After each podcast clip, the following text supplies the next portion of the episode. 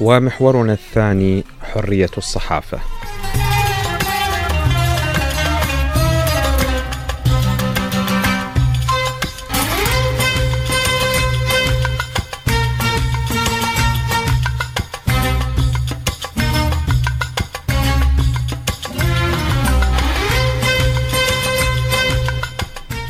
طبعا حرية الصحافة هو الأساس الذي تقوم عليه أو واحد من أهم الأساسات التي تقوم عليها الدولة المدنية ومفهوم الدولة المدنية. يعني لا توجد هنالك دولة مدنية بدون حرية للصحافة. لذلك نجد الدول المتقدمة آه، دول القلب في الغرب آه، تضمن حرية الصحافة وبشكل كبير. كذلك الدول التي لديها يعني نوع من الديمقراطيات. بس مثلا نجد الدول في منطقة الشرق الأوسط دائما ما تضيق على حرية الصحافة. فلا تسمح بالرأي الذي يخالف السلطة. يعني مثلا إحنا لدينا على سبيل المثال دول الخليج لا يم... لا يوجد فيها حرية صحافة. صحيح فيها صحف كثيرة فيها قنوات فضائية كثيرة فيها ما فيها لكنها لا تقترب من السلطة الحاكمة. وأي شخص يقترب من السلطة الحاكمة يتم تصفيته بشكل من الأشكال يعني لدينا تجربة جمال خاشقجي مثلا في المملكة العربية السعودية عندما تعرض للعائلة الحاكمة تم ماذا؟ تقطيعه بالمعنى الحرفي وتبدد لا يعرف إلى الآن أين انتهى به يعني أين انتهت به يعني على كل فلذلك يعني حقيقة الكثير من الصحفيين يفقدون آه، الحياة نتيجة رأي من الآراء يتكلمون به حول السلطة الحاكمة.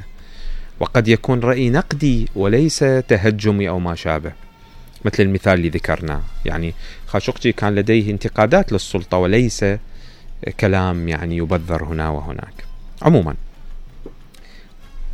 حرية الصحافة في العراق كانت مكفولة وبشكل كبير في ثلاثينيات وأربعينيات وحتى خمسينيات القرن الماضي عندما كانت هنالك الدولة الملكية.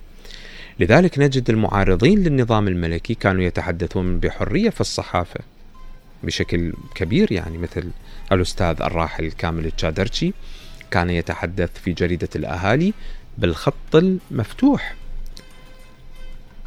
وبالشكل الواضح حول العائلة المالكة وحول وحول السياسات وحول الحكومات إلى آخره. لا توجد هنالك مضايقات أو تصفيات أو ما شابه. لكن للأسف في العهود الجمهورية التي جاءت فيما بعد تم التضييق على حرية الصحافة حتى أصبحت الصحافة تمثل وجهة نظر الحاكم بل وجهة نظر الحزب الحاكم. كما حصل لدينا مثلا في تجربة حكم البعث من 68 إلى 2003 كانت تجربة الصحافة فيها تجربة مريرة. الصحافة تمثل خطا واحدا ومشروعا واحدا وشروعا واحدا. غير مسموح التحدث بأية نبرة كانت سوى مدح السلطة الحاكمة وذكر مشاريعها والتوقف عندها وإلى آخره. بعد ال 2003 صار انفتاح لدينا في العراق، الصحافة أخذت بعدا آخر وأصبحت الصحافة آه، آه، ببعد آه، كبير جدا. هنالك حرية في إنشاء الإذاعات والفضائيات والمواقع الإلكترونية إلى آخره. للأسف الشديد في الآونة الأخيرة يراد أن تقيد حرية الصحافة بشكل من الأشكال. طبعا هي حرية الصحافة سابقا وحاليا ومستقبلا لا تعني التهجم على الآخرين وذكر أسماء الناس والتسقيط بهم. هذه ليست حرية صحافة. بالعكس هذا القانون يحاسب عليها في كل وقت وحين.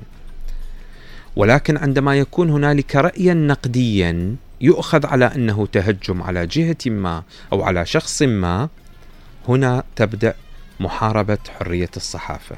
هنا تبدأ محاربة حرية الرأي التي كفلها الدستور العراقي وبعد وكفلتها شرعة الأمم المتحدة والإعلان العالمي لحقوق الإنسان وكذلك الإعلانات المكملة لهذا الإعلان.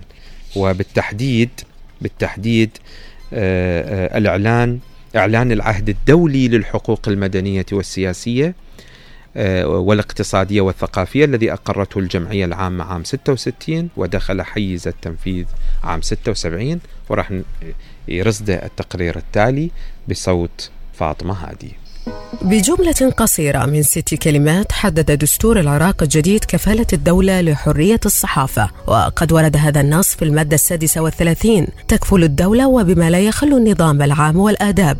اولا حرية التعبير عن الرأي وبكل الوسائل. ثانيا حرية الصحافة والطباعة والإعلان والإعلام والنشر. اختيار هذه المادة للتعديل في لائحة عهد العراق ومعهد الدراسات هام وأساسي. على قصر النص الدستوري واختزاله أمامنا مدخل هام من أجل الصراع فالحق في حرية التعبير دعامة أساسية للديمقراطية. وفي جو الكبت والحياة السرية تزدهر انتهاكات حقوق الإنسان ويزدهر الفساد والمافيات والجريمة المنظمة. لا يقتصر الأمر على السلطة وحدها إنما سينقل الكبت هذه العدوى إلى الأحزاب حيث روح الشك بالآخر ستقتل إمكانيات الجدل والتطوير وتقوي المركزية المشددة والسرية المطلقة. مقابل ذلك تساعد الحرية على التحقيق في الانتهاكات وكتابة التقارير عنها.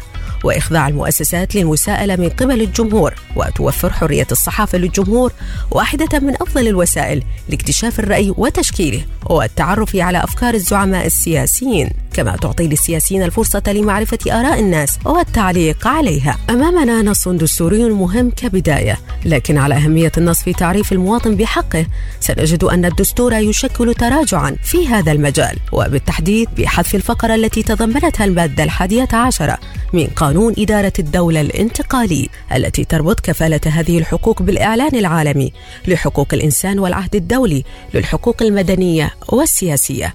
وتنص المادة التاسعة عشر من الإعلان العالمي لحقوق الإنسان على أن لكل شخص الحق في حرية الرأي والتعبير.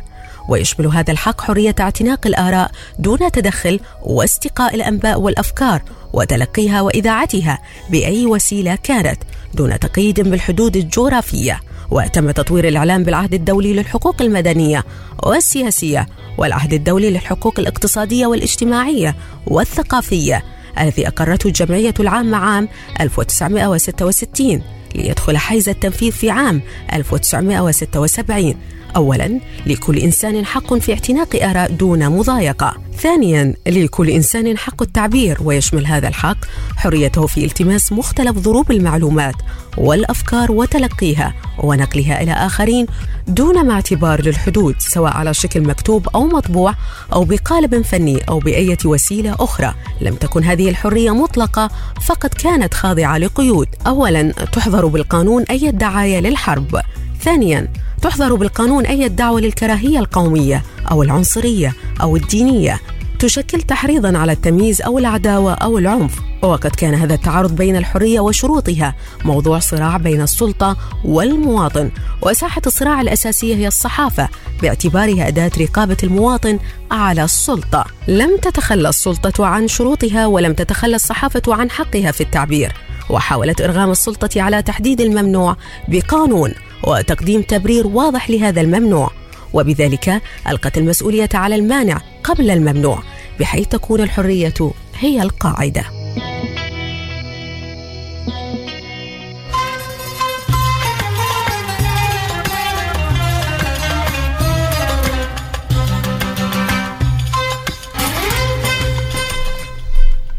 طبعا مقابل تعدد أوجه الرقابة فإن لحرية التعبير جانبين متلازمين هما حرية استقاء المعلومة والآراء والحصول عليها.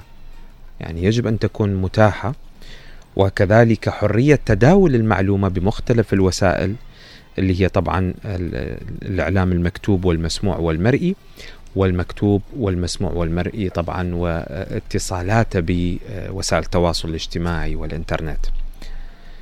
ومن المعروف أيضا أن المعلومة ليست مجرد سلعة إنما هي قوة قابلة لأن تتحول إلى أفعال عادات ويعني حالما يتم تداولها. وما من جهة تملك قوة المعلومات وتتخلى عنها طواعيه للآخرين. لذلك كان الحصول على المعلومة موضوع صراع دائم بين الدولة والمواطنين. يعني دائما المواطن يصدم وتخفى عنه المعلومة. حرية التعبير بالنسبة لأوائل الصحفيين في العشرينيات من القرن الماضي مطلبا كان يوازي مسألة الاستقلال الوطني للدولة العراقية بل يتداخل معه في الصراع مع سلطة الاحتلال الإنجليزي آنذاك. آه لذلك كان يعني من يحاول أن يضيق على حرية التعبير ويمنع إصدار بعض الصحف وغيرها كان يواجه بسخط المثقفين آه، والصحفيين.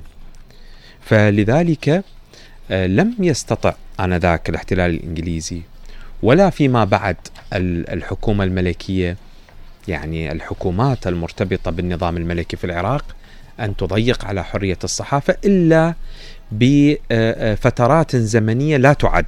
في مقابل فضاء الحرية شهد العراق تأريخ مرير من الكبت الذي يقوم على اعتبار الصحافة صوت الدولة.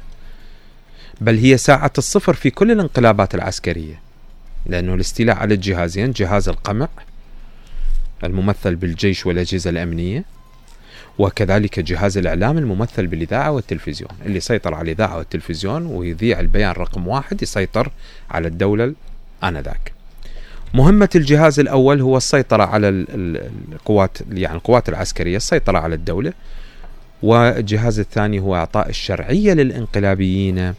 وهذا ما حصل آه، بعد ال 68 في آه، آه، انقلاب 17 تموز 68 وما سمي بالثورة البيضاء. تم إعلان البيان الأول عبر الإذاعة والتلفزيون وكذلك عبر الصحف العراقية. بعد ست أشهر من وصول البعثيين للسلطة أصدر البعث قانون المطبوعات. شنو ينص هذا القانون؟ على إلغاء كافة إجازات الصحف الدورية وإلغاء كافة إجازات مراسلي الصحف والمجلات ووكالات الأنباء وربطها بوزارة الثقافة والإعلام. إذا خلص سلطة الرقيب. طبعا بعد سقوط النظام بال 2003 كان عندنا آه، صحف معدودة اللي يتذكرها اللي هي الثورة الجمهورية العراق. القادسية وبابل. صار عندنا بعد سقوط النظام أكثر من 150 صحيفة يومية وأسبوعية وشهرية نتيجة الانفتاح الذي حصل بعد ال 2003 بعد أن كانت الصحف اللي ذكرناها الستة اللي هي بابل والعراق والجمهورية والآخري والثورة تأخذ توجيهاتها من مركز واحد هو ما يسمى بمكتب الثقافة والإعلام التابع لحزب البعث العربي الاشتراكي. أصبح لدينا بعد ال 2003 أكثر من 260 حزب ومنظمة اعتمدت الصحافة وسيلة لتسويق نفسها للجمهور.